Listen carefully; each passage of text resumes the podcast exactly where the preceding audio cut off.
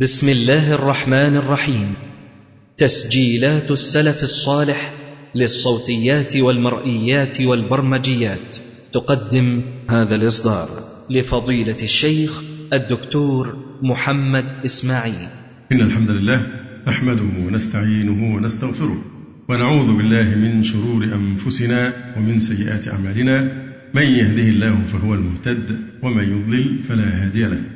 وأشهد أن لا إله إلا الله وحده لا شريك له وأشهد أن محمدا عبده ورسوله. اللهم صل على محمد النبي وأزواجه أمهات المؤمنين وذريته وأهل بيته كما صليت على آل إبراهيم إنك حميد مجيد. أما بعد فنشرع بإذن الله تعالى في تفسير سورة التحريم وهي سورة مدنية وآيتها إثنى عشرة آية وترتيبها في المصحف هي السورة السادسة والستون. يقول الله عز وجل بسم الله الرحمن الرحيم. يا أيها النبي لم تحرم ما أحل الله لك تبتغي مرضات أزواجك؟ والله غفور رحيم. نلاحظ هنا أنه عز وجل نادى نبيه وخليله محمدا صلى الله عليه وآله وسلم بصفة النبوة. يا أيها النبي تعظيما له وإكراما له صلى الله عليه وسلم. وهذه من خصائص نبينا صلى الله عليه وسلم حيث إنه لم يناده في القرآن باسمه قط وإنما يناديه يا أيها النبي يا أيها الرسول يا أيها المزمل يا أيها المدثر ولكن لا يوجد في القرآن الكريم يا محمد مع أنه تبارك وتعالى نادى الأنبياء بأسمائهم يا آدم اسكن أنت وزوجك الجنة يا نوح اهبط بسلام منا. يا عيسى ابن مريم أنت قلت للناس يا موسى إني اصطفيتك على الناس وهكذا. فمن كرامة النبي صلى الله عليه وسلم وارتفاع قدره على سائر الأنبياء أنه لم ينادي في القرآن الكريم باسمه قط وإنما ناداه بصفته الشريفة تعظيما له صلى الله عليه وسلم. فناداه ليقبل إليه بالكلية. يا أيها النبي ويدبر عن كل ما سواه من الأزواج وغيرهن وعبر عنه بالمبهم إشعارا منه بأنه من غاية عظمته بحيث لا يعلم كنهه. وأتى بلفظ النبي إشعارا بأنه الذي نبئ بأسرار التحليل والتحريم الإلهي. والمراد بتحريمه ما أحل الله له. لما تحرم ما أحل الله لك. المراد بهذا امتناعه منه وحظره إياه على نفسه وهذا المقدار مباح ليس في ارتكابه جناح لأن بعض الناس الذين لا يفقهون ربما فهموا منه أنه اعتقد معاذ الله تحريم ما أحل الله له مع أن هذا من المكفرات المعلومة. من أحد أسباب الرد عن الإسلام أو الخروج من الإسلام أن يعتقد الإنسان تحليل ما حرمه الله أو تحريم ما أحله الله من الأمور القطعية. فطبعا ليس المراد هنا لما تحرم ما أحل الله لك أنه مثلا أنه حرم العسل مثلا أو حرم الجارية وقد أحلها الله لأن هذا من المكفرات. ولا شك في عصمة النبي صلى الله عليه وسلم ونزهته عن مثل هذا. وإنما المقصود لما تحرم ما أحل الله لك لما تمنع نفسك مما أباح الله لك سواء من الطعام أو ذات اليمين أو نحو ذلك. فالمقصود بتحريم ما أحل الله له امتناعه منه وحظره إياه على نفسه. وهذا المقدار أن الإنسان يمتنع عن طعام معين ويقول أن لن آتي هذا الطعام بعد ذلك. هذا هو معنى التحريم وليس المعنى أنه يصير الحلال حراما في شرع الله. فهذا المقدار إنسان يمنع على نفسه طعاما معينا هذا مباح وليس في ارتكابه جناح. وإنما قيل له لم تحرم ما أحل الله لك؟ رفقا به وشفقة عليه صلى الله عليه وآله وسلم وتنويها لقدره ومنصبه أن يراعي مرضاة أزواجه بما يشق عليه. جريا على ما ألف من لطف الله تعالى بنبيه ورفعه عن أن يحرج بسبب أحد من البشر الذين هم أتباعه ومن أجله خلقوا ليظهر الله كمال نبوته بظهور نقصانهم عنه. فهنا غاية الرفق والعناية والرعاية من الله عز وجل برسوله صلى الله عليه وسلم. فكأن الله عز وجل هنا رفقا بالنبي عليه السلام يعاتبه. لما تحرم ما أحل الله لك كيف تمتنع من شيء أباحه الله؟ كي ترضي أزواجك. فمقامك أعلى من ذلك. فانظر إلى رعاية الله حق نبيه وإكرامه إياه. كيف تراعي مرضاة أزواجك بشيء يشق عليك؟ كيف تحرم نفسك مما أحل الله؟ مراعاة لذلك. وللأثريين أي رواة الأحاديث والأخبار. في هذا الذي حرمه صلى الله عليه وآله وسلم على نفسه روايات. الأولى ما رواه البخاري ومسلم عن أم المؤمنين عائشة رضي الله تعالى عنها قالت كان رسول الله صلى الله عليه وآله وسلم يشرب عسلا عند زينب ابنة جحش رضي الله عنها. ويمكث عندها. فتواطأت أنا وحفصة. كان في حزب يعني في أمهات المؤمنين كان عائشة وحفصة في حزب إيه؟ معا يعني. فتواطأت أنا وحفصة. أن أيتنا دخل عليها فلتقل له إني أجد منك ريح مغافير. المغافير آه، صمغ حلو له رائحة كريهة. ينضحه شجر يقال له العرفط فهو نوع من العسل يعني. والرسول عليه السلام كان أحرص الناس على أن يراعي رائحته الشريفة بحيث لا يؤذي أحدا أبدا صلى الله عليه وآله وسلم. فتواطأت حفصة مع عائشة أنه إذا دخل على واحدة مننا إلا لو واحدة بس اللي هتقول ممكن الأمر ما يكونش أكيد لكن لما يدخل على عائشة تقول له إني أجد منك ريح مغافير. وبعدين يدخل على حفصة تقول له إني أجد منك ريح مغافير أكلت مغافير؟ علشان يبقى المسألة إيه؟ إن زينب بنت جحش هي اللي خليتك تأكل العسل الذي يخرج هذه الرائحة. قل عائشة فتواطأت أنا وحفصة أن أيتنا دخل عليها فلتقل له إني أجد منك ريح مغافير. أكلت مغافير فدخل على إحداهما. فقالت له ذلك فقال بل شربت عسلا عند زينب ابنة جحش فلن أعود له وقد حلفت. لا تخبري بذلك أحدا.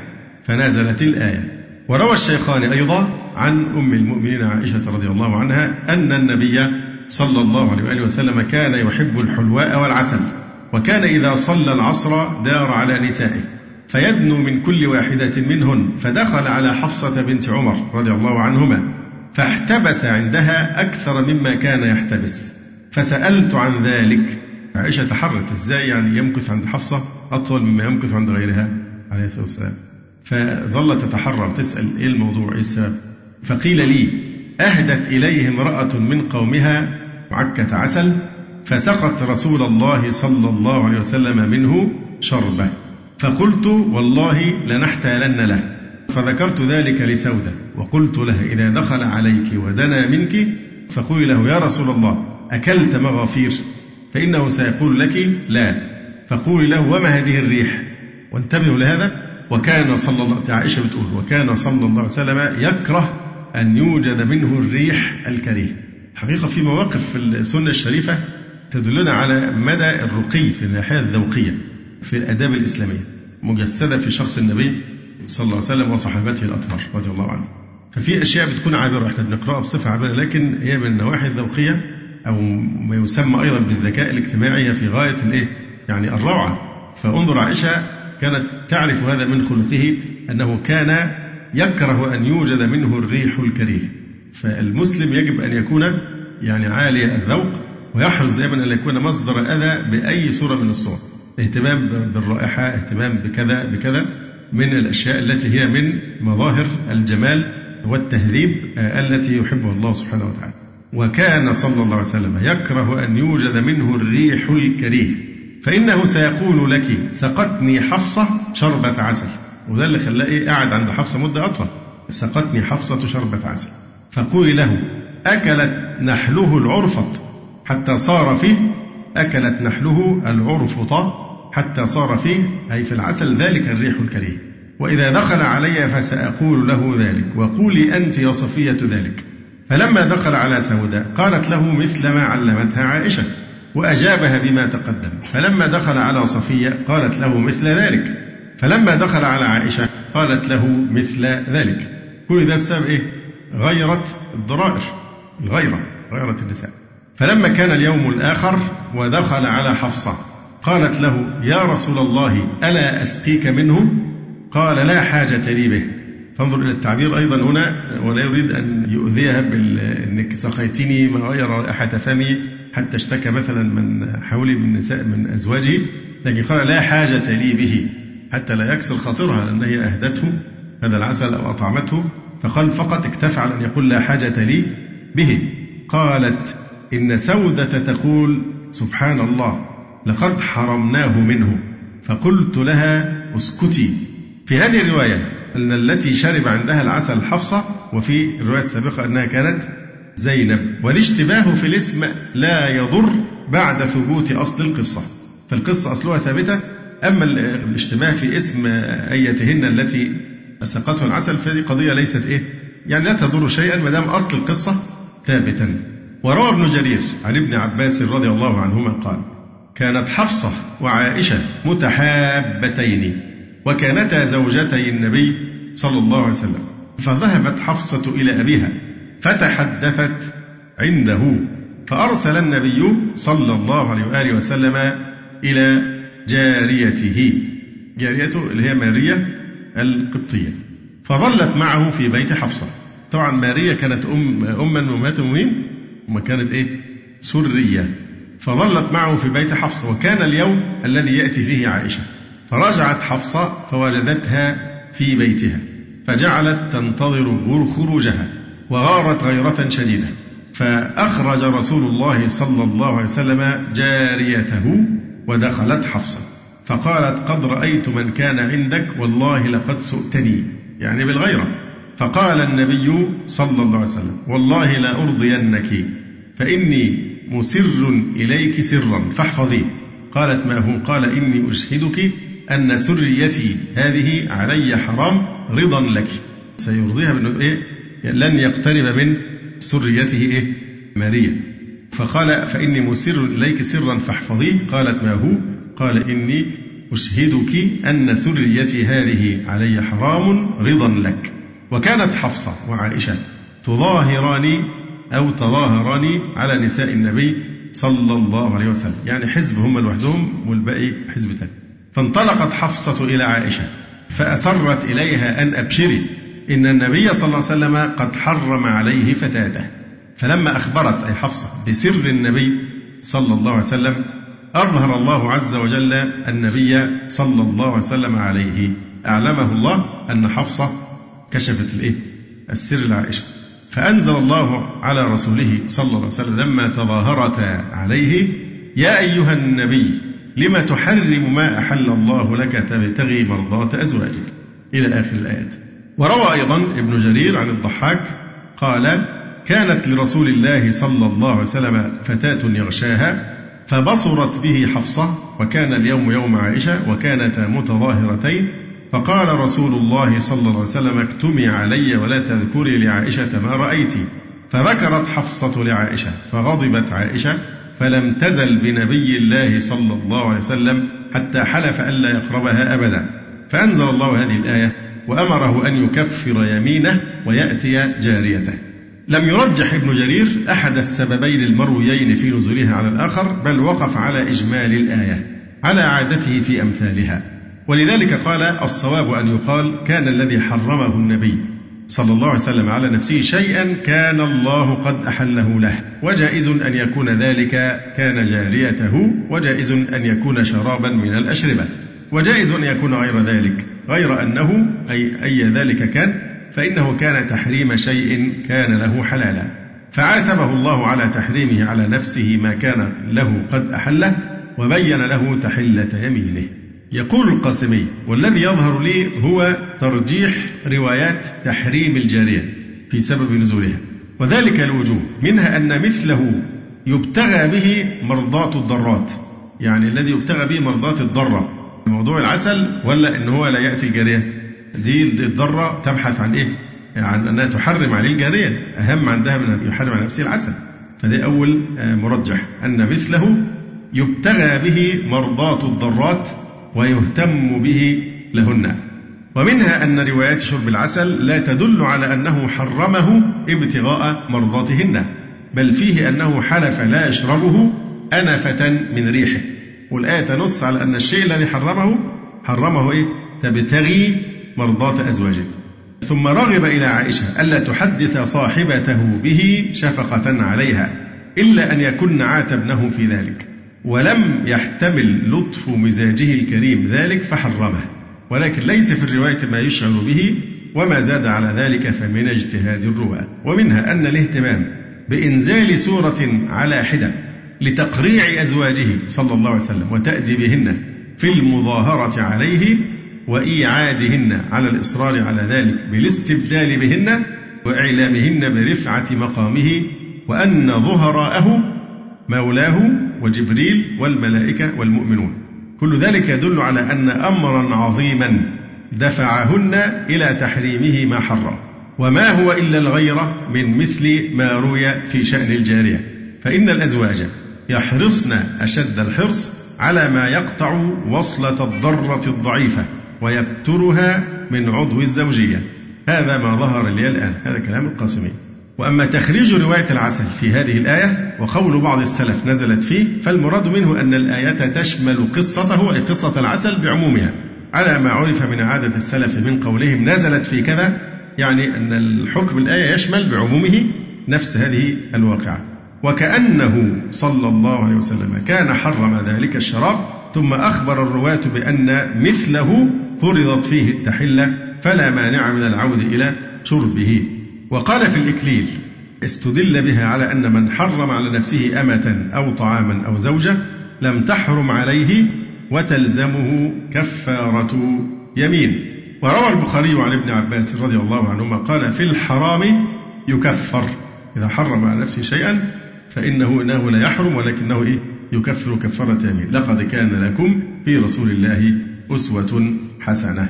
فطبعا هنا نلاحظ عناية الله سبحانه وتعالى بالنبي صلى الله عليه وسلم حيث ينزل سورة كاملة في هذا الشأن ومعاتبا للنبي عليه الصلاة والسلام على تحريم ما أحل الله له ليرضي أزواجه بذلك. هذا كله يشعر بعناية الله بنبيه بحيث إن الله عز وجل لا يحب له أن يضيق على نفسه في سبيل إرضاء أي شخص.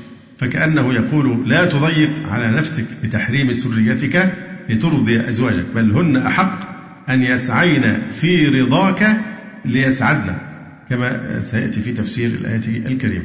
يقول الله تبارك وتعالى يا أيها النبي لما تحرم ما أحل الله لك؟ اللام حرف جر وما ميم ألف اسم استفهام في محل جر من لام. لكن قلنا مرارا إن ما الاستفهامية إذا دخل عليها حرف جر حذف ألفها. فلذلك قال لما تحرم ما أحل الله لك؟ يعني من أمتك مارية القبطية. لما وقعها في بيت حفصة وكانت غائبة فجاءت وشق عليها كون ذلك في بيتها وعلى فراشها حيث قلت هي حرام علي.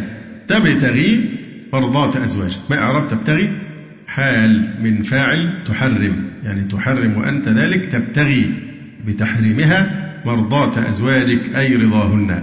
والله غفور رحيم. يعني غفر لك هذا التحريم. الزمخشري عند الكلام في هذه الآية الكريمة تجرأ وأطلق ما لا يجوز أبدا إطلاقه في حق النبي صلى الله عليه وآله وسلم. ورد عليه ابن المنير رحمه الله تعالى كعادته فقال ما أطلقه الزمخشري في حق النبي صلى الله عليه وسلم تقول وافتراء والنبي منه براء. وذلك أن تحريم ما أحل الله له على وجهين اعتقاد ثبوت حكم التحريم فيه فهذا بمثابة اعتقاد حكم التحليل فيما حرمه الله عز وجل وكلاهما محظور يعني كلمة تحريم ما أحل الله إما أن يعنى بها أن يعتقد أن شيئا معينا من الحلال حرام فهذا مثل تحريم الحلال يعني إيه كلاهما؟ يخرج الإنسان من الإيمان ومن الإسلام. واحد اعتقد بقلبه مثلا إباحة الخمر فهذا يكفر ويرتد عن الإسلام لأنه اعتقد خلاف ما علم من الدين بالضرورة. فسواء حرم الحلال أو حل الحرام فهذا إيه؟ ردة فهذا لا يصدر من المتسمين بسمة الإيمان. وإن صدر من إنسان سلب المؤمن حكم الإيمان واسمه. أما الاستعمال الثاني لكلمة آه، حرمت على نفسي كذا أو الجارية عليه حرام أو نحو ذلك فيعنى بها بهذا التعبير الامتناع فقط الامتناع مما أحله الله عز وجل. وحمل التحريم بمجرده صحيح لقوله تعالى وحرمنا عليه المراضع من قبل يعني منعنا تحريم كوني قدري. وقد يكون مؤكدا باليمين مع اعتقاد حله وهذا مباح صرف. إن واحد بيضر أكل معين مثلا فحلف أنه لا يقرب هذا الطعام أو أن هذا الطعام علي حرام بمعنى أني ما أعود لهذا الأكل الضار مثلا ففي هذه الحالة هو لم يعتقد أن الحلال حرام لكنه يمتنع يستعمل كلمة إيه؟ تحريم ما أحله الله بمعنى الامتناع عن تعاطيه مع اعتقاد أنه إيه؟ حلال. فهذا مباح صرف وعلى القسم الثاني تحمل الآية. والتفسير الصحيح يعضده فإن النبي صلى الله عليه وسلم حلف بالله لا أقرب مارية. ولما نزلت الآية كفر عن يمينه. ويدل عليه قوله تعالى قد فرض الله لكم تحلة أيمانكم. فطبعا كون هذه الآية تنزل العقيبة الأولى لما تحرم ما أحل الله لك ثم يقول له قد فرض الله تحلة أيمانكم. كفر عن اليمين التي حلفتها أو كفارة ما قلت هي أنك إيه؟ تكفر عن اليمين وتعود لاستحلال الحلال. فهذا مما يدل أيضا على ما ذكرنا. قد فرض الله لكم تحلة أيمانكم. وهذا المقدار مباح ليس في ارتكابه جناح. وإنما قيل له لم تحرم ما أحل الله لك؟ رفقا به وشفقة عليه صلى الله عليه وسلم وتنويها لقدره ومنصبه أن يراعي مرضاة أزواجه بما يشق عليه جريا على ما ألف من لطف الله تعالى بنبيه ورفعه عن أن يحرج بسبب أحد من البشر الذين هم من أتباعه. يعني وإن أحد المؤمنين حاشا أن يعتقد تحريم ما أحل الله. فكيف لا يربأ الزمخشري بمنصب النبي عما يرتفع عنه منصب عامة الأمة؟ وما هذه من الزمخشري إلا جراءة على الله ورسوله وإطلاق القول من غير تحرير وإبراز الرأي الفاسد بلا تخمير. تلاحظون أن إحنا بنحتاج كثيرا في أثناء التفسير للزمخشري. يعني أي متكلم في علوم البلاغة وإعجاز القرآن البلاغي يكون عالة على الزمخشري لأنه إمام بلا شك في هذا الفن. والزمخشري إمام كبير من أئمة الاعتزال وهو متعصب جدا ضد أهل السنة بل أحيانا يتطاول تطاولا قبيحا على أهل السنة ومع ذلك لا يمنع من أن نستفيد مما هو مختص به يعني. فبالمناسبة يعني الناس اللي بتتكلم كثيرا على موضوع الظلال أو موضوع سيد قطب وأنا أحيانا يخيل بيتكلموا عن الناس في كوكب آخر يعني هم دايما يحاولوا يصوروا يعني بعض الإخوة إنه إيه ما لهوش شغل خالص غير الدفاع عن سيد قطب وتبني أفكاره حتى المنحرفة منها. ويرموننا بال أنتم قطبيين يا أيها القطبيون إلى آخره. هو مش عارف يعني إيه قطبيين. هو لو فهم كلمة قطبيين ما كانش يقولها. لكن نقول مع وقوع أخطاء فادحة في تفسير الظلال ومؤاخذات على منهج سيد قطب لكن نحن نحتاج إليه أحيانا كخبير. السيد قطب كان يعني عملاقا من عمالقة الأدب كان نجما في سماء الساحة الأدبية في مصر. يعني معلش معلومة كده عابرة. يعني سيد قطب هو الذي اكتشف نجيب محفوظ وهو الذي قدمه إلى الساحة الأدبية. وسيد قطب كان كان نجم من نجوم المجتمع يعني مش شخصية عادية قبل أن يلتزم أصلا يعني. فهو كان عنده موهبة أدبية عالية جدا ولما فتح الله عليه بالتدين والانتماء للدعوة سخر موهبته في خدمة القرآن الكريم. ولذلك كتب كتابه فيه معاني عظيمة جدا ورائقة ومفيدة. ما يكاد يستغني عنها من ينظر في تفسير كتاب الله تعالى. لكن مش معنى ذلك أننا نقول نقر على أخطاء الفادحه لكن المسألة أنه بحكم سيرته أنه بعد ما تدين دخل في المعمعة والصراعات والسجن إلى أن انتهى بإعدامه رحمه الله فما تفرغ تفرغا كافيا ليتعلم بالطريقة التقليدية السليمة التي بها العلماء العلم. لكن هو سخر موهبته.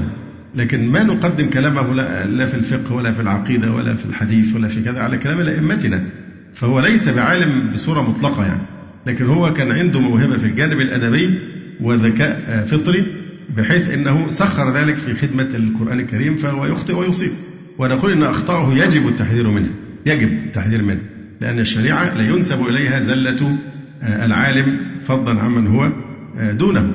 فنعتذر عنه وفي نفس الوقت إيه؟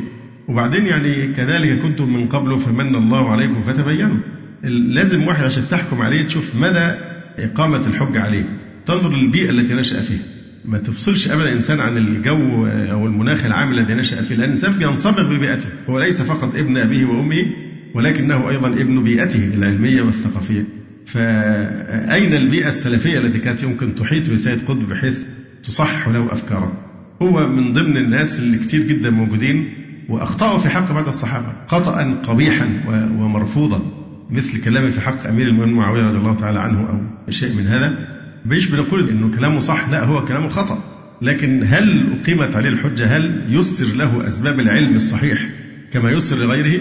فنحن نسأل الله سبحانه وتعالى أن يعفو عنه في أخطائه ونقول يجب وجوبا التحذير من أخطائه بوضوح ولا تنسب للشريعة بأي حال من الأحوال. ومع ذلك نتذكر قوله تعالى وليس عليكم جناح فيما أخطأتم به ولكن ما تعمدت قلوبكم. رغم نفعا فضر من غير قصد. ومن البر ما يكون عقوقا. فإذا رحمة الله واسعة. فإحنا كان واحد زي الزمخشري ونتطفل على كتابه وعلى علمه وهو معتزلي ضال لا جدال فيها لكن بنستفيد منه. فنفس الشيء. في نفس الوقت موضوع تبني سيد قطب كفكر كامل لا طبعا هذا مرفوض تماما لأن فكر سيد قطب غذى اتجاهات منحرفة خاصة الاتجاهات التكفيرية. فسيد قطب لا نأخذ منه منظرا مش منظر ولا منشئا لمذهب جديد يسمى القطبية لأننا عندنا ما يغنينا عن أن نعطي أحدا هذا الحق. مذهب السلف الحاكم على غيره من المذاهب ولا يقر طبعا أي بدعة أو أي انحراف في العقيدة أو في الفقه أو في شيء أي شيء. فبس دي شيء عابر لأن أنا أعجب لما بقرأ ساعات كلام بعض الإخوة اللي بيتكلموا على إن أنا القطبي ومش عارف إيه وواحد كاتب مقالة بيقول هدية إلى فلان الفلاني وذكر اسمي يعني. فأنا قلت واحد بعت لي هدية في في موقع حواري فقلت أراها فلقيته جايب كلام عن بعض السلف الناس اللي بينصروا أهل البدع ويدافعون عنهم ولا يحذرون من كذا. فيعني إيه مش عايزين نخرج في كلام جانبي لكن الشاهد يعني إن لا نحن لا نتبنى اطلاقا سيد قطب كمنظر لأنه يختلف معنا في المنهج وفي أشياء جذرية جدا خاصة في تكفير المجتمع وفي أشياء كثيرة تكلمنا عنها بالتفصيل من قبل ونرجو أن تأتي فرصة نتكلم فإحنا مختلفون في المنهج. لكن الإنصاف يقتضي أننا نستفيد منه فيما لا نجده عند غيره وهو الموهبة الأدبية التي سخرها في خدمة القرآن الكريم في تفسيره آه، في ظلال القرآن. ثم هو بعد ذلك بشر يخطئ ويصيب. نتبرأ من خطئه وندعو الله أن يعفو عنه في هذه الأخطاء. ورحمة الله واسعة. فأنتم خايفين ربنا يرحم الناس البشر. قل لو أنتم تملكون خزائن رحمة ربي إذا لأمسكتم خشية الإنفاق. وكان الإنسان قتول فالحمد لله الذي لم يكلنا إلى خلقه وإلا قفلوا أمامنا باب الجنة وخلوها بقى بسكوك الغفران والكلام ده كله. لكن الحمد لله نحن مسلمون وليس في ديننا مثل هذا التيئيس من رحمة الله تعالى. نعود إلى تفسير السورة. يا أيها النبي لما تحرم ما أحل الله لك تبتغي أي بتحريمها مرضاة أزواجك أي رضاهن والله غفور رحيم. قد فرض الله لكم تحلة أيمانكم. قد فرض الله أي شرع الله لكم تحلة أيمانكم. أي شرع لكم تحليل أيمانكم. طبعا هذا مبسوط في كتب الفقه كيفية كفارة الإيه؟ اليمين.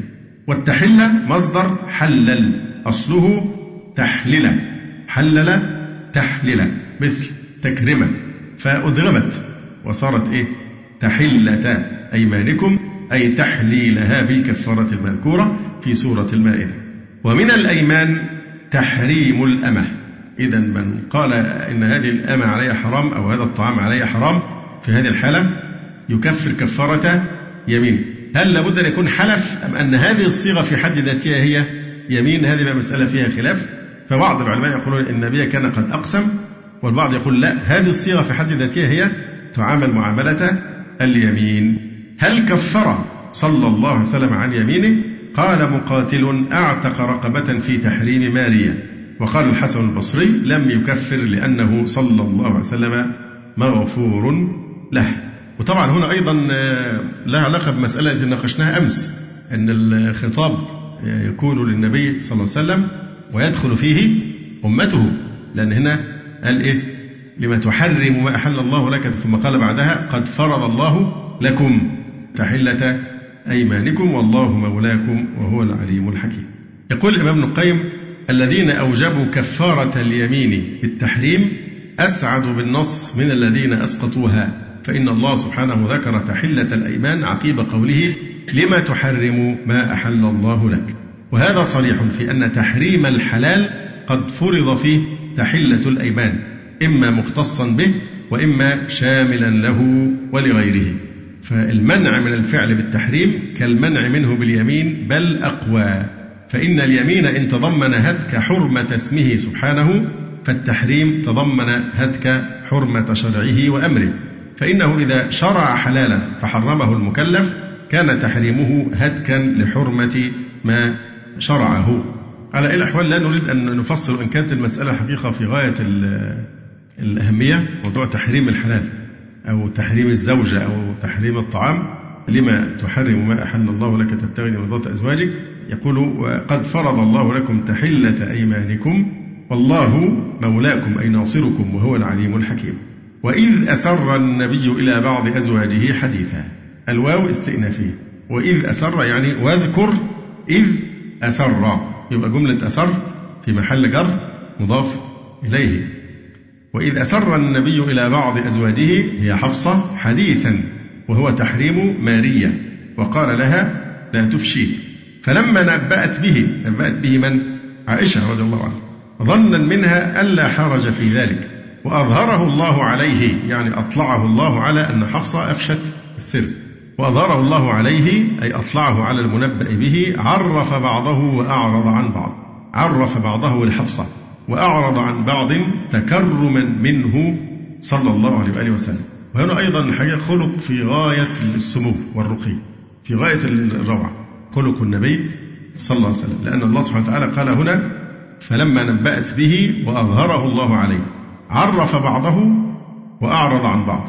لم يقل لحفصة تعالى أنت قلت كذا وكذا وكذا وجيب لها الكلام بالتفصيل. لكن هو أشار لجزء من الكلام. ولم يفصل في ذكر كل ما نقلته وإنما عرف بعضه وأعرض عن ذكر البعض الآخر.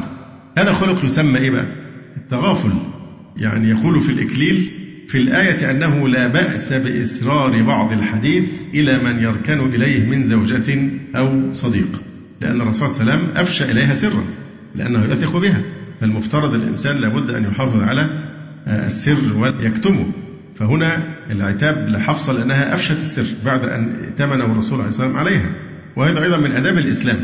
من آداب الإسلام أن المجالس بالأمانة وفي الحديث إذا حدثك الرجل بحديث ثم التفت فهي أمانة. يعني المسلم لازم يكون راقي راقيا في في إيه؟ أخلاقه وذوقه.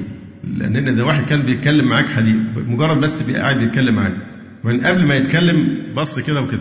إيه معناها؟ بيشوف في حد سامع ولا لأ؟ أو قبل ما يتكلم بص فما لقاش حد فتكلم دي كأنه بيقول لك بالضبط إيه؟ ما أريد أحدا أن يعرف هذا الحديث. حتى لا لم يصرح. فحدثت الرجل بحديث ثم التفت فهي أمانة. صارت إيه؟ في عنقك أمانة. فمسألة كتمان السر والخوض في الكلام والقيل والقال ونقل الكلام بمنتهى السهولة. هو من غير ما يستحلفك ولا يأتمنك المفروض الأصل أنك لا تحكي ولا تتكلم. فكيف بما إذا كانت هناك قرينة على أنه لا يريد أحدا أن يعرف هذا؟ أيضا يقول السيوطي في الإكليل وفيها حسن المعاشرة مع الزوجات لأن الرسول إيه كان يبتغي رضاهن رضا تحريم أتى بسبب إيه؟ تبتغي مرضات أزواجك. هذا نوع من الإيه؟ من التلطف في المعاشرة. وفيه أيضا التلطف في العتب والإعراض عن استقصاء الذنب. يعني ما يقعدش الواحد يعد بالوحدة ويحفظ المؤاخذات عشان لما تيجي تحصل أي صدام يقول حصل وحصل وكذا ويستوفي. يعني كما يقولون ما استوفى كريم قط. الإنسان الكريم ما يستوفي. يكفي إشارة عابرة كعتاب ولكن ما يجيبش بقى الموضوع ملف بقى مكتوب في زي كأنه كان وكيل نيابة يعني. فيقول هنا وفيه الإعراض عن استقصاء الذنب. يعني الإنسان ممكن يعاتب بشيء عابر خفيف ولا يستوفي الذنب يعني. وحكى الزمخشري عن سفيان قال ما زال التغافل من فعل الكرام. ويقولون ما استوفى كريم قط. فإنسان ما يكون في خصومة ما يتماداش في الإيه؟ في الاستقصاء. لكن الكريم يفوت ويتغافل ويعمل كأنه ما خدش باله. ولذلك يقول الشاعر العربي ولقد أمر على اللئيم يسبني. يعني هو سمع الشتم بأذنه. فمضيت ثم قلت لا يعنيني.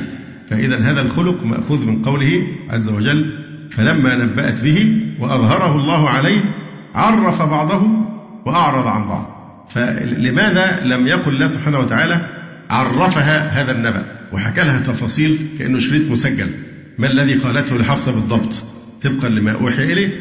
لا هو عمل إيه؟ عرف بعضه. لماذا قص الله هذه الحادثة بهذه الصورة؟ عرف بعضه وأعرض عن بعض. كي يعلمنا عدم استقصاء الذنب. يعني إنسان يتغافل وما يفصلش وما يبقاش سعيد بأنه بيفضح اللي قدامه. يعني ممكن عتاب عابر لكن ما يفصلش. فإذا هناك حكمة من أن الله قص علينا هذا الخلق والأدب من أداب النبي عليه السلام. عرف بعضه وأعرض عن بعض.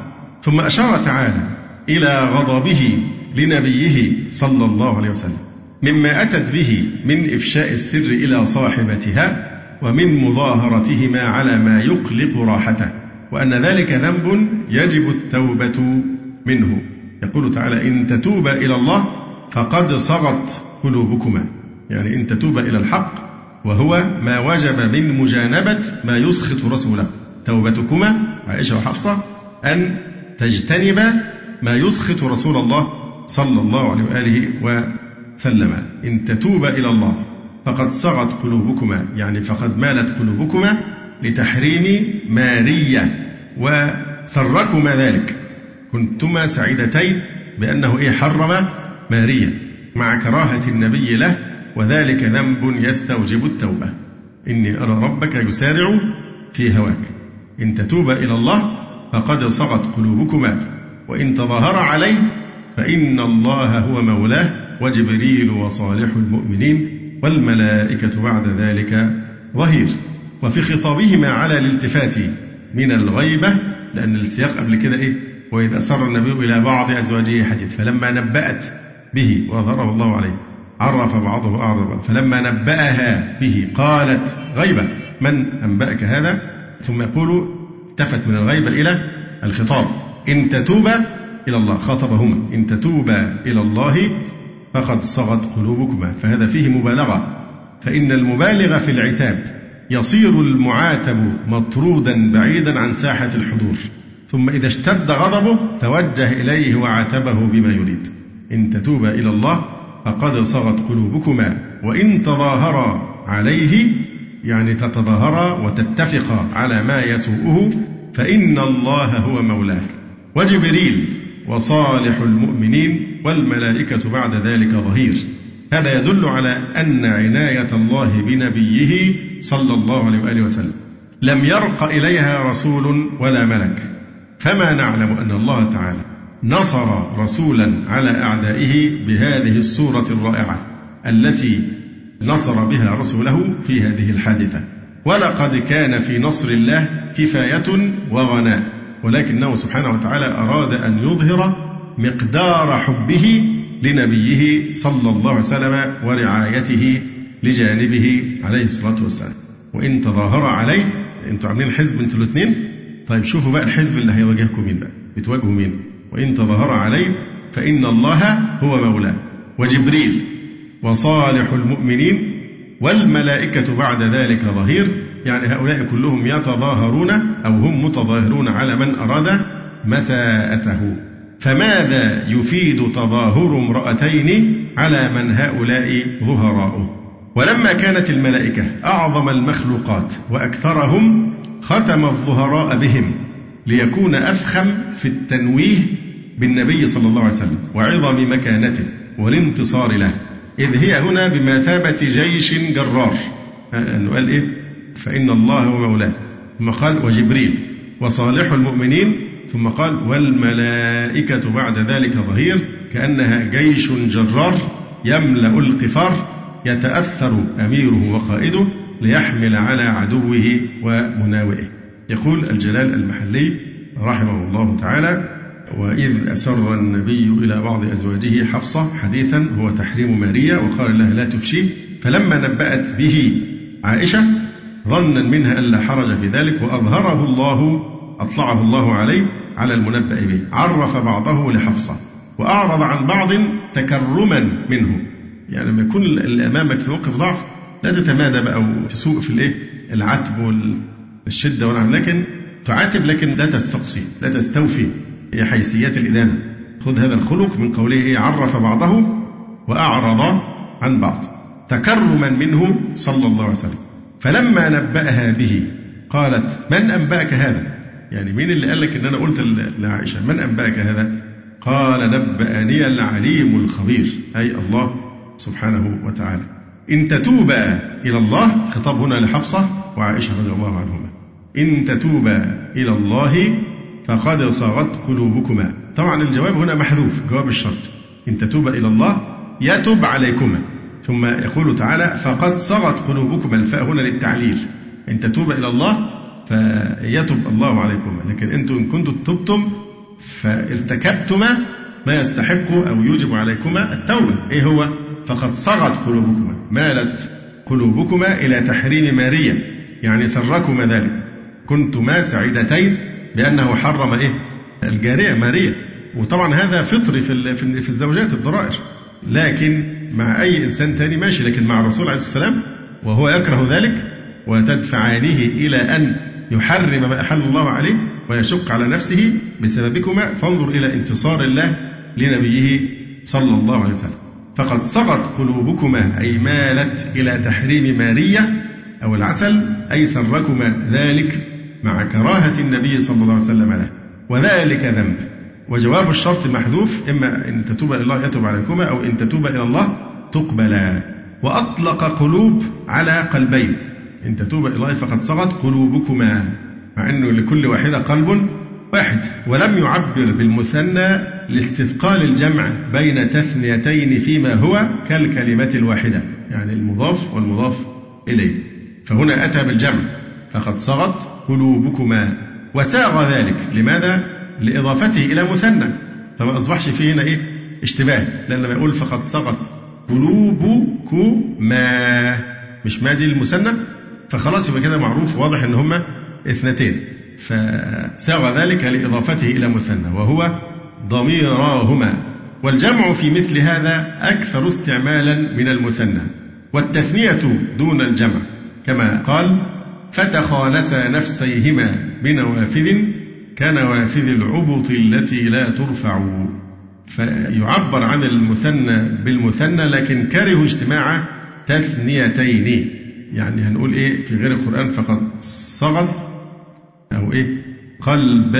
قلباكما فيبقى قلبا مثنى وما مثنى فهيجمعوا بين مثنيتين فهذا يثقل على اللسان فلذلك كرهوا اجتماع تثنيتين فعدلوا إلى الجمع فقالوا إيه؟ قلوبكما لأن التثنية جمع في المعنى وإن تظاهر عليه وفي قراءة وإن تظاهر عليه يعني تتعاون عليه. أي على النبي صلى الله عليه وسلم فيما يكرهه. فإن الله هو مولاه. هنا أيضا الجواب محذوف. وإن تظاهر أو تظاهر عليه فالجواب إيه؟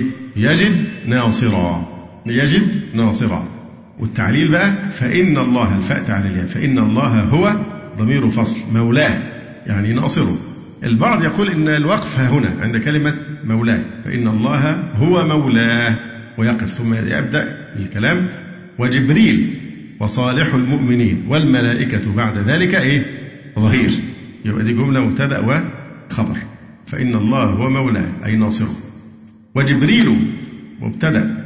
وصالح المؤمنين أبو بكر وعمر وغيرهما طبعا معطوف على محل اسم إيه؟ إن. فيكونون ناصريه أيضا. فإن الله هو مولاه ثم يقول وجبريل وصالح المؤمنين. طبعا صالح هنا اسم جنس وليس جمع. ولذا جاءت من غير واو بعد الحاء. ما قالش وصالحه لكن قال وصالح المؤمنين فهي هنا اسم إيه؟ جنس. والملائكة بعد ذلك يعني بعد نصر الله والمذكورين ظهير. طيب لو قلنا جبريل مبتدأ يبقى الخبر مبتدأ إيه؟ ظهير. آه لأن فاعلا يستوي فيه الواحد والجمع. ففي التفسير قال إيه ظهراء أعوان له في نصره عليكما.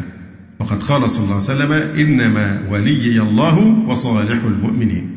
ثم يقول تعالى عسى ربه إن طلقكن أن يبدله أزواجا خيرا منكن. عسى من أفعال إيه؟ الرجاء. عسى ربه إن طلقكن. طبعا هي الأصل إيه؟ عسى ربه أن يبدله. لكن اعترضت هذه الجملة الشرطية فصل بين عسى وبين خبرها بهذا الشرط اهتماما بالأمر وتخويفا لهن. عسى ربه إيه؟ إن طلقكن أي طلق النبي أزواجه أن يبدله أو قراءة أخرى أن يبدله أزواجا خيرا منكن. هذا خبر عسى والجملة جواب الشرط. ولم يقع التبديل لعدم وقوع الشرط وهو الطلاق. مسلمات مقرات بالإسلام مؤمنات مخلصات قانتات مطيعات تائبات عابدات سائحات يعني صائمات أو مهاجرات ثيبات وأبكارا. طيب لماذا وضع الواو بالذات بين ثيبات وأبكارا؟ آه أنا قلت لك مطب اللي قال واو الثمانية. هذه ليست واو الثمانية إطلاقا. صحيح أن الصفتان متنافيتان. صفتان متنافيتان بخلاف إيه؟ مسلمات مؤمنات قانتات عابدات سائحات. دي صفات كلها متجانسة لكن الثيبات وأبكارا صفتان متنافيتان. ثيبات جمع ثيب من ثاب يثوب أي آه، رجع. ثيبات وأبكارا. وسطت الواو بين ثيبات وأبكارا لتنافي الوصفين فيه دون سائر الصفات وليست هي واو الثمانية كما توهم بعضهم.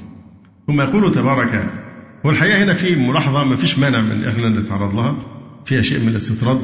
يقول القاسمي ذهب كثير من المفسرين إلى أن المراد من سائحات صائمات أو مهاجرات. وقد قدمنا في سورة التوبة في تفسير السائحون أن الحق فيه هو المعنى الحقيقي. لعدم ما يمنع منه ولا يصار إلى المجاز إلا لمانع.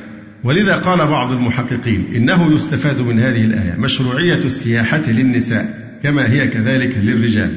فمعنى قوله تعالى سائحات أي مسافرات سواء كان السفر لهجرة أو اعتبار أو اطلاع على آثار الأمم البائدة وقد خصصت السنة عموم سفرهن بكونه مع زوج أو محرم لهن حفظا لهن.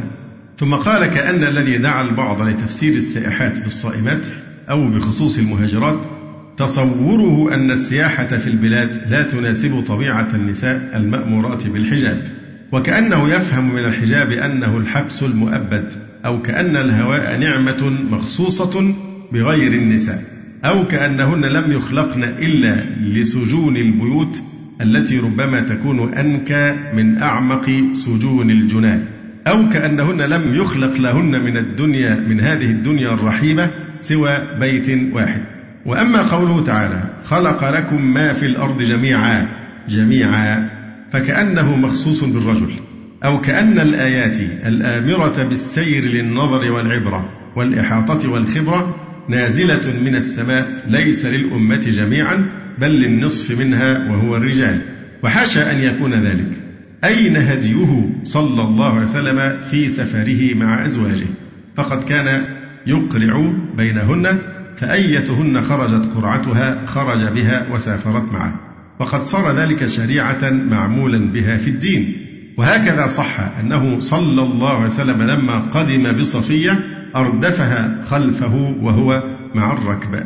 وبالجملة فالسياحة في القرآن الكريم ليست ترمي إلى غاية واحدة بل إلى عدة غايات وفوائد. أولا إدراك المعقولات والإحاطة بعظات المسموعات. كما نتعلمه من قوله تعالى أفلم يسيروا في الأرض فتكون لهم قلوب يعقلون بها أو آذان يسمعون بها فإنها لا تعمى الأبصار ولكن تعمى القلوب التي في الصدور. ثانيا الوقوف على أحوال الأمم البائدة وما لهم من جليل الآثار الداعية للاعتبار كما نتعلمه من قول الكتاب الحكيم أولم يسيروا في الأرض فينظروا كيف كان عاقبة الذين كانوا من قبلهم كانوا هم أشد منهم قوة وآثارا في الأرض فأخذهم الله بذنوبهم وما كان لهم من الله من واق. ثالثا البحث والتنقيب في أنحاء المسكونة بالنظر في الكون وفي الفنون للوصول إلى معرفة مبدع هذا العالم تعالى. يقول تعالى قل سيروا في الأرض فانظروا كيف بدأ الخلق. رابعا الحصول على ربح التجارة كما نتعلم ذلك من قوله تعالى وآخرون يضربون في الأرض يبتغون من فضل الله. فهل ترى هذه الفوائد ذات البال مختصة بالرجل دون الأنثى حتى يكون السير خاصا بالرجل؟ كلا. وقد امتن الله على أهل سبأ بما حكاه في قوله وجعلنا بينهم وبين القرى التي باركنا فيها قرى ظاهرة وقدرنا فيها السير سيروا فيها ليالي وأياما آمنين. وامتن على جميع عباده بقوله هو الذي يسيركم في البر والبحر وقال متاعا لكم وللسيارة. فهل يجوز أن نذهب إلى أن هذه المنن من مخصوصات الرجل دون النساء؟ كلا بل الكل مغمور بهذه المنات كما هو مقتضى عموم الآيات.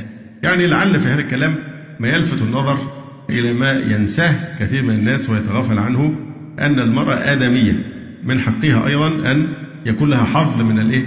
النزهة أو الترفيه ما دام في حدود ما أحل الله سبحانه وتعالى سواء في مش هنقول السفر حتى الخروج للهواء الطلق أو الأماكن الطبيعية أو نحو ذلك هذا حق لهن لأن الرجل بحكم خروجه ليل نهار في المجتمع هو يفرج عن نفسه وهو لا يشعر لأنه بيخرج أما المرأة فلا شك أنها أشد حاجة لأنها مكثة باستمرار في البيت وإغفال حقها في ترفيه الحلال.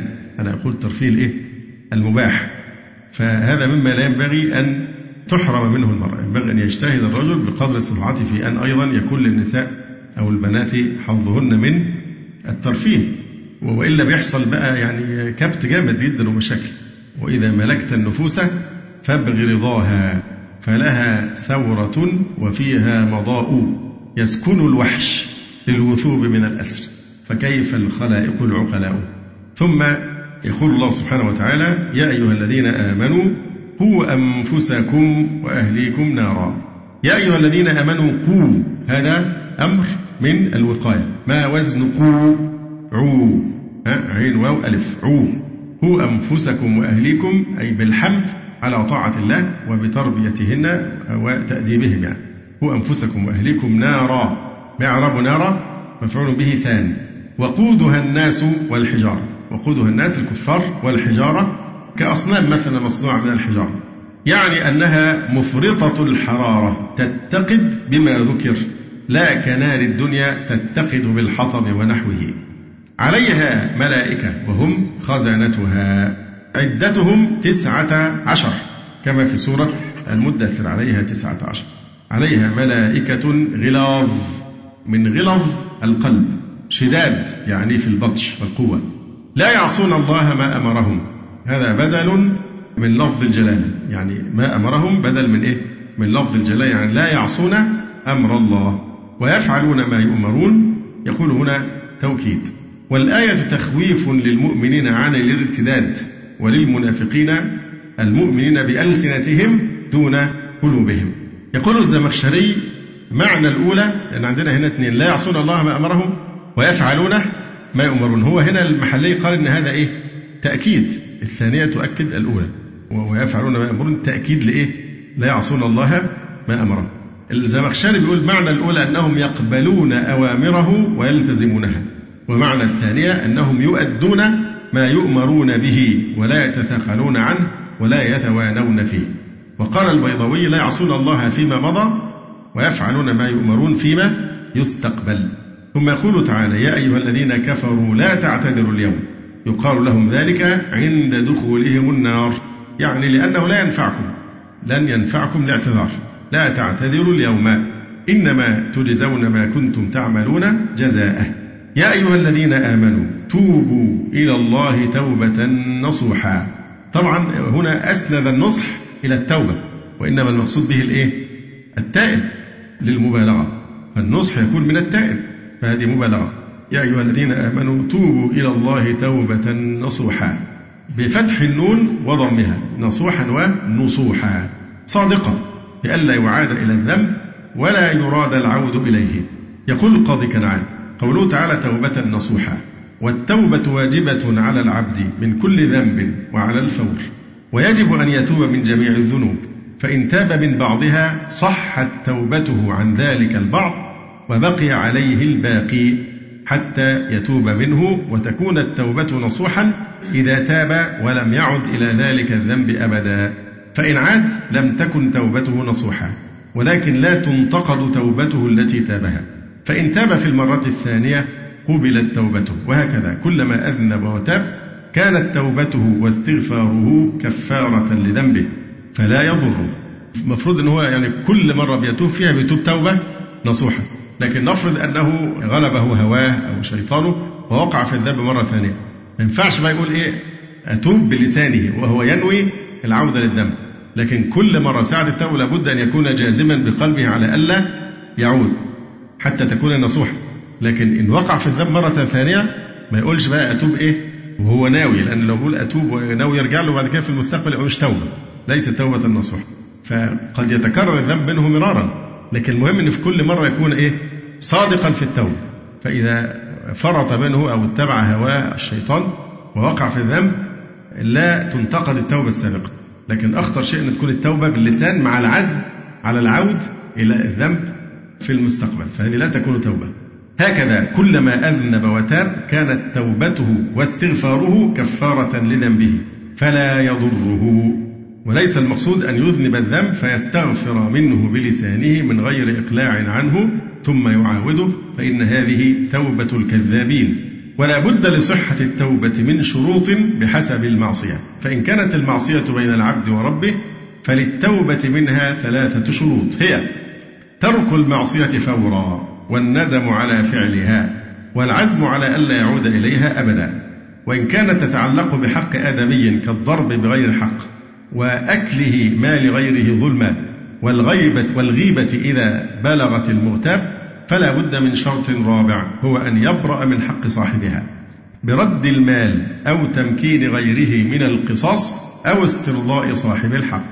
كما يشترط لقبول التوبة أن تكون قبل بلوغ الروح الحلقومة عند الموت. لما آه، صح عنه صلى الله عليه وسلم قال إن الله يقبل توبة العبد ما لم يغرغر. ولا تصح التوبة عند وقوع العذاب. فلم تقبل توبة فرعون عندما أدركه الغرق فمات كافرا. ولا تقبل توبة التائبين عندما تطلع الشمس من مغربها لقول النبي صلى الله عليه وسلم من تاب قبل أن تطلع الشمس من مغربها تاب الله عليه. فالتائب من الذنب كمن لا ذنب له. وقال تعالى إن الله يحب التوابين ويحب المتطهرين. ثم يقول عز وجل يا أيها الذين كفروا لا تعتذروا اليوم إنما تجزون ما كنتم تعملون. يا أيها الذين آمنوا توبوا إلى الله توبة نصوحا يعني صادقة بألا يعاد إلى الذنب ولا يراد العود من إليه. عسى ربكم هذه ترجيع. ترجيع يعني فعل رجاء لكن كل عسى من الله واجبة. متى ما قال الله عسى فهذا يتحقق. كرما من الله سبحانه وتعالى. فهي ترجية تقع لا محالة. عسى ربكم أن يكفر عنكم سيئاتكم ويدخلكم جنات بساتين تجري من تحتها الأنهار يوم لا يخزي الله النبي. يوم متعلق بإيه؟ يدخلكم. يدخلكم جنات يوم. ها؟ يوم لا يخزي الله بإدخال النار النبي والذين آمنوا معه. وبلا شك هذه يدخل فيها قطعا أصحاب رسول الله صلى الله عليه وسلم. فكل أصحاب رسول الله صلى الله عليه وسلم الذين ينطبق عليهم وصف الصحابي آه هذه الآية آه تبشرهم بأن الله لا يخزيهم أبدا رضي الله تعالى عنهم أجمعين. يوم, يوم لا يخزي الله النبي والذين آمنوا معه نورهم يسعى بين أيديهم أي أمامهم وبأيمانهم يعني ويكون النور أيضا بأيمانهم. يقولون ربنا أتمم لنا نورنا. هذا استئناف. يقولون ربنا أتمم لنا نورنا يعني إلى آه، الجنة. والمنافقون يطفأ نورهم. واغفر لنا إنك على كل شيء قدير. ثم يقول تعالى يا أيها النبي جاهد الكفار أي بالسيف والمنافقين باللسان والحجة. واغلظ عليهم بالانتهار والمقت. فالمقصود أغلظ عليهم يعني إيه؟ شدد عليهم في الخطاب. ولا تأخذك هوادة آه، أو لين في معاملتهم. ومأواهم جهنم وبئس المصير هي. ثم يقول عز وجل ضرب الله مثلا للذين كفروا امرأة نوح وامرأة لوط. هذا كلام مستأنف. مسوق لإيراد حالة غريبة. ليعرف على ضوئها حالة غريبة أخرى. مشاكلة لها في الغرابة ضرب الله مثلا للذين كفروا امرأة نوح وامرأة لوط. كانتا تحت عبدين من عبادنا صالحين فخانتاهما. يعني الخيانة هنا في الدين وليست خيانة بارتكاب الفاحشة لأنه يستحيل أن تفجر زوجة نبي. الطيبات للطيبين والطيبون للطيبات. والله سبحانه وتعالى في تبرئة عائشة رضي الله عنها من الإفك سبح نفسه في شأن عائشة سبح نفسه لماذا؟ لأن الطعن في عرض زوجة النبي طعن في الإله الذي بعث هذا النبي واضح؟ سبحانك هذا بهتان مبين ف يعني واغلظ عليهم بالانتهار والمقت يقول ضرب الله مثلا للذين كفروا امرأة نوح وامرأة لوط كانتا تحت عبدين من عبادنا صالحين فخانتاهما في الدين إذ كفرتا. وكانت امرأة نوح واسمها واهلة تقول لقومه إنه مجنون وامرأة لوط واسمها واعلة تدل قومه على أضيافه إذا إذا نزلوا به ليلا بإيقاد النار ونهارا بالتدخين. فلم يغنيا أي نوح ولوط عنهما من الله أي من عذاب الله شيئا. وقيل أي قيل لهما دخول النار مع الداخلين من كفار قوم نوح وقوم لوط. طبعا هنا نلاحظ أنه عبر بالفعل الماضي. قيل وقيل دخول النار. لكن هو يعني مضارع في المعنى. في المعنى مضارع يعني ويقال لهما ودخول النار مع الداخلين. وضرب الله مثلا للذين آمنوا امرأة فرعون. آمنت بموسى واسمها آسية فعذبها فرعون بأن أوتد يديها ورجليها وألقى على صدرها رحا عظيمة واستقبل بها الشمس فكانت إذا تفرق عنها من وكل بها ظللتها الملائكة إذ قالت في حالة التعذيب رب ابن لي عندك بيتا في الجنة طبعا تلاحظ هنا أنها قدمت كلمة عندك على الإيه؟ البيت في الجنة ليه؟ اختارت الجار قبل الدار اختارت الجار قبل الدار عندك بيتا في الجنة. فكشف لها فرأته فسهل عليها التعذيب. ونجني من فرعون وعمله أي تعذيبه. ونجني من القوم الظالمين أهل دينه. فقبض الله روحها. وقال طاووس بن كيسان اليماني رفعت إلى الجنة حية فهي تأكل وتشرب والصحيح أنها ماتت بالتعذيب كما ذكره ابن جرير الطبري وغيره لأن دخول الجنة لا يكون إلا بعد الموت. ومريم بنت عمران؟ ومريم بنت عمران؟ مريم عطف على امرأة فرعون ابنة عمران بدل أو نعت لمريم التي أحصنت فرجها حفظته. فنفخنا فيه من روحنا أي من جبريل حيث نفخ في جيب درعها بخلق الله تعالى. فعله الواصل إلى فرجها فحملت بعيسى. فنفخنا فيه من روحنا. طبعا كعادة النصارى يعني يتشبثون بالمتشابهات ويعرضون عن المحكم فيجي مثلا في كلمة زي إيه؟ في المسيح عليه السلام آه، وصفه مثلا بأنه روح الله. روح الله هنا إضافة تشريف. زي بيت الله ناقة الله فهذه إضافة تشريف. أو كلمة الله أيضا إضافة تشريف يعني خلق بكلمة كن. فحينما من كلمة روح الله أو قوله تعالى وروح منه. إن المسيح روح منه من الله سبحانه وتعالى. طبعا منه هنا ليست يعني ليست تبعيضية. هم هم يفسرونها بالتفكير الشيطاني بتاعهم البوليسي إنه إيه؟ روح منه يعني هو جزء من الله والعياذ بالله. لا هي روح منه آه، من هنا الابتداء الايه؟ الغاية. زي إيه؟ وخلق لك وسخر لكم ما في السماوات وما في الأرض جميعا منه. ابتداء الغاية من الله. فخلق الروح بدأ من الله سبحانه وتعالى. وبعدين في سورة الإنسان إيه؟ آه، ثم جعل نسله من سلالات من ماء مهين ثم سواه ونفخ فيه من روحه. كل إنسان منا فيه نفخة من روح الله. يعني الروح التي يخلقها الله فيه. ما نقعدش بقى نتشبث بالكلام المتشابه نقول روح منه يبقى جزء من الله وهذا يدل على الحلول إلى آخره. وإلا فإن كل إنسان وصفه الله سبحانه وتعالى في القرآن الكريم بأنه إيه نفخ فيه من روحه كل إنسان وليس فقط المسيح عليه السلام. وصدقت الواو عطف على محذوف يقتضيه السياق. لأن العبارة إيه؟ التي أحصنت فرجها. فنفخنا فيه من روحنا وصدقت بكلمات ربها. يبقى هنا وصدقت دي الواو حرف عطف. وصدقت معطوف على محذوف. ما هو المحذوف؟ فحملت بعيسى. فحملت بعيسى وصدقت بكلمات ربها أي شرائعه وكتبه المنزلة. وكانت من القانتين يعني من القوم المطيعين.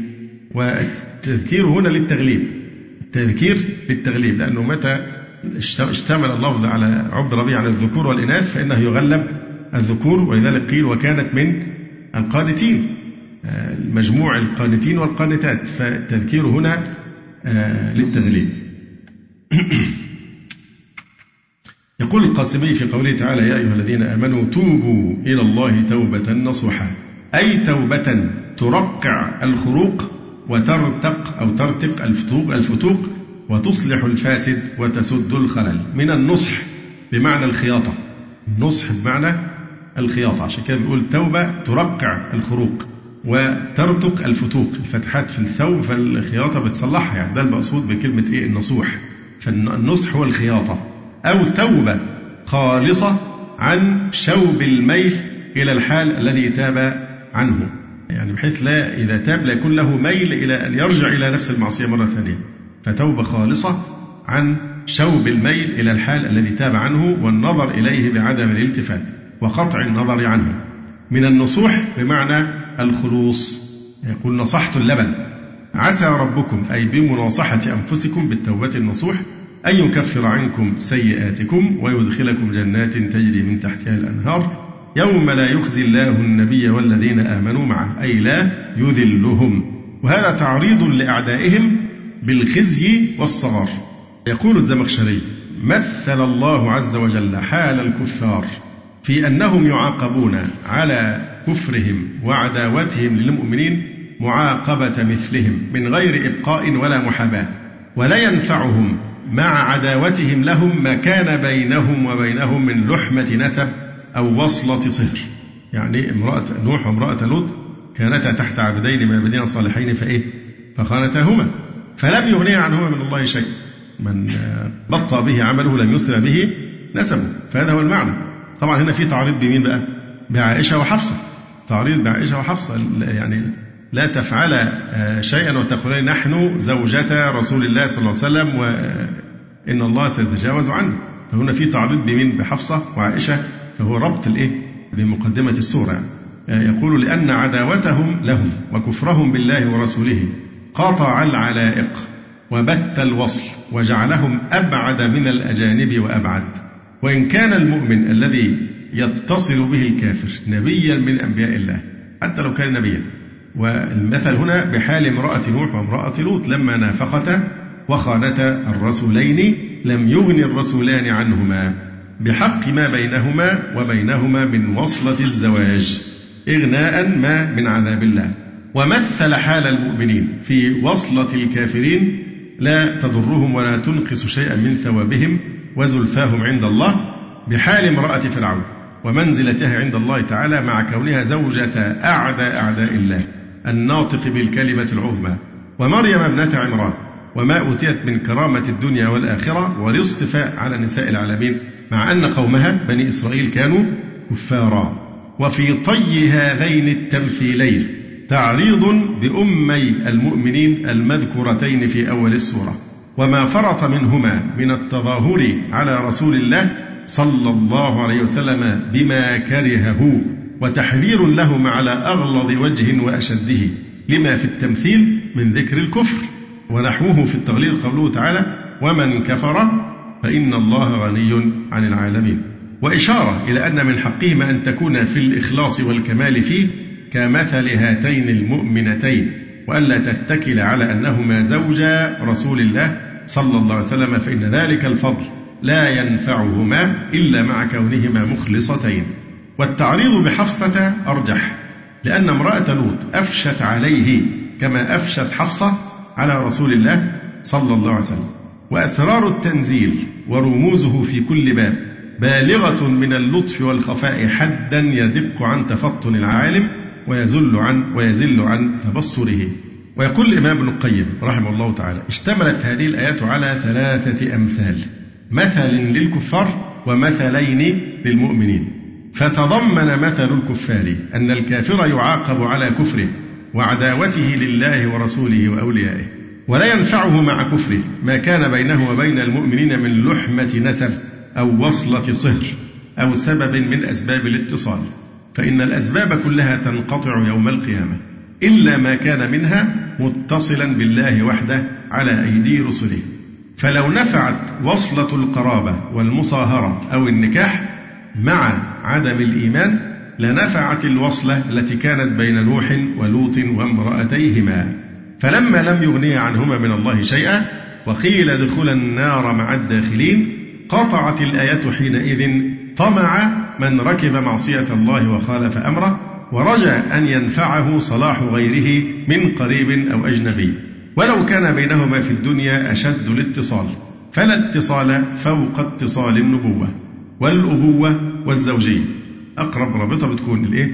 البنوة والأبوة والزوجية ولم يغن نوح عن ابنه ولا إبراهيم عن أبيه ولا نوح ولوط عن امرأتيهما من الله شيئا. قال تعالى لم تنفعكم أرحامكم ولا أولادكم يوم القيامة يفصل بينكم. وقال تعالى يوم لا تملك نفس لنفس شيئا. وقال تعالى واتقوا يوما لا تجزي نفس عن نفس شيئا. وقال واخشوا يوما لا يجزي والد عن ولده. ولا مولود هو جاز عن والده شيئا. إن وعد الله حق. وهذا كله تكذيب لأطماع المشركين الباطلة أن من تعلقوا به من دون الله من قرابة أو صهر أو نكاح أو صحبة ينفعهم يوم القيامة أو يجيرهم من عذاب الله أو يشفع لهم عند الله. وهذا أصل ضلال بني آدم وشركهم وهو الشرك الذي لا يغفره الله. وهو الذي بعث الله جميع رسله وأنزل جميع كتبه بإبطاله ومحاربة أهله ومعاداتهم. وأما المثلان اللذان للمؤمنين فأحدهما امرأة فرعون. ووجه المثل أن اتصال المؤمن بالكافر لا يضره شيئا إذا فارقه في كفره وعمله. فمعصية الغير لا تضر المؤمن المطيع شيئا في الآخرة. وإن تضرر بها في الدنيا بسبب العقوبة التي تحل بأهل الأرض إذا أضاعوا أمر الله. فتأتي عامة. واتقوا فتنة لا تصيبن الذين ظلموا منكم خاصة. فلم يضر امرأة فرعون اتصالها به وهو أكثر الكافرين. ولم ينفع امرأة نوح ولوط اتصالهما بهما وهما رسول رب العالمين. المثل الثاني للمؤمنين مريم التي لا زوج لها يبقى المثل الأول للمؤمنين من امرأة فرعون آسيا. المثل الثاني للمؤمنين مريم التي لا زوج لها لا مؤمن ولا كافر. فذكر ثلاثة أصناف النساء المرأة الكافرة التي لها وصلة بالرجل الصالح والمرأة الصالحة التي لها وصلة بالرجل الكافر والمرأة العزب التي لا وصلة بينها وبين أحد وهي مريم عليه السلام. فالأولى لا تنفعها وصلتها وسببها والثانية لا تضرها وصلتها وسببها والثالثة لا يضرها عدم الوصلة شيئا. ثم في هذه الأمثال من الأسرار البديعة ما يناسب سياق السورة فإنها سيقت في ذكر أزواج النبي صلى الله عليه وسلم والتحذير من تظاهرهن عليه وأنهن إن لم يطعن الله ورسوله ويردن الدار الآخرة لم ينفعهن اتصالهن برسول الله صلى الله عليه وسلم. كما لم ينفع امرأة نوح ولوط اتصالهما بهما. ولهذا إنما ضرب في هذه السورة مثل اتصال النكاح دون القرابة. لأن المقصود من بداية السورة مين؟ حفصة وعائشة وأمهات المؤمنين. قال يحيى بن سلام ضرب الله المثل الأول يحذر عائشة وحفصة ثم ضرب لهما المثل الثاني يحرضهما على التمسك بالطاعة. وفي ضرب المثل للمؤمنين بمريم اعتبار آخر وهو أنها مريم لم يضرها عند الله شيئا قذف أعداء الله اليهود لها ونسبتهم إياها وابنها إلى ما برأها الله عنه مع كونها الصديقة الكبرى المصطفاة على نساء العالمين. فلا يضر الرجل الصالح قدح الفجار والفساق فيه. وفي هذا تسلية لعائشة أم المؤمنين إن كانت السورة نزلت بعد قصة الإفك وتوطين نفسها على ما قال فيها الكاذبون إن كانت قبلها. يعني لو أن السورة نزلت قبل قصة الإفك يبقى في تسلية لعائشة عما حدث وهو تبرأة مريم عليه السلام من إفك اليهود وقولهم على مريم بهتانا عظيما. إن كانت قبلها يبقى تهيئة لها وتوطين لها قبل وقوع حادثة الإفك.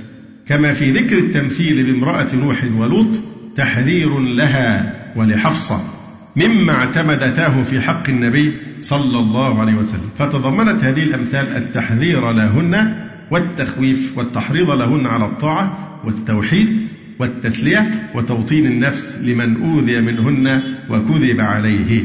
وأسرار التنزيل فوق هذا وأجل منه ولا سيما أسرار الأمثال التي لا يعقلها إلا العالمون.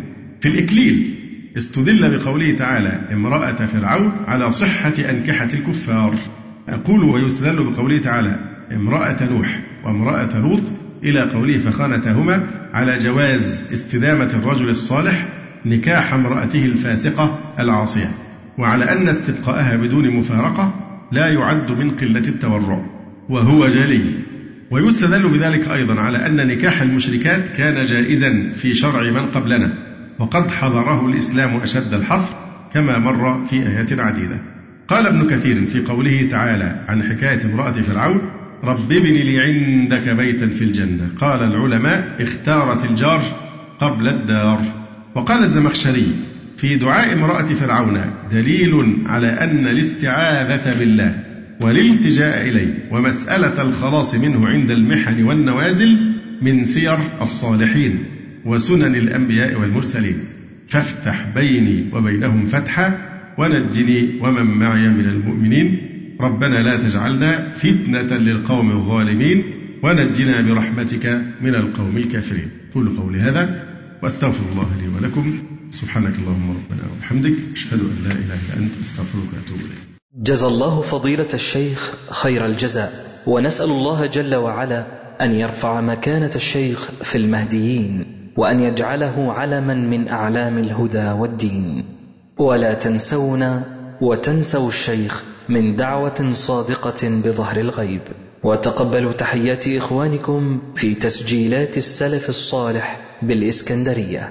هاتف رقم صفر ثلاثة فاصل أربعة تسعة أربعة سبعة ستة خمسة اثنان. والتليفون محمول صفر عشرة واحد ستة أربعة واحد تسعة ثمانية صفر. والسلام عليكم ورحمة الله وبركاته.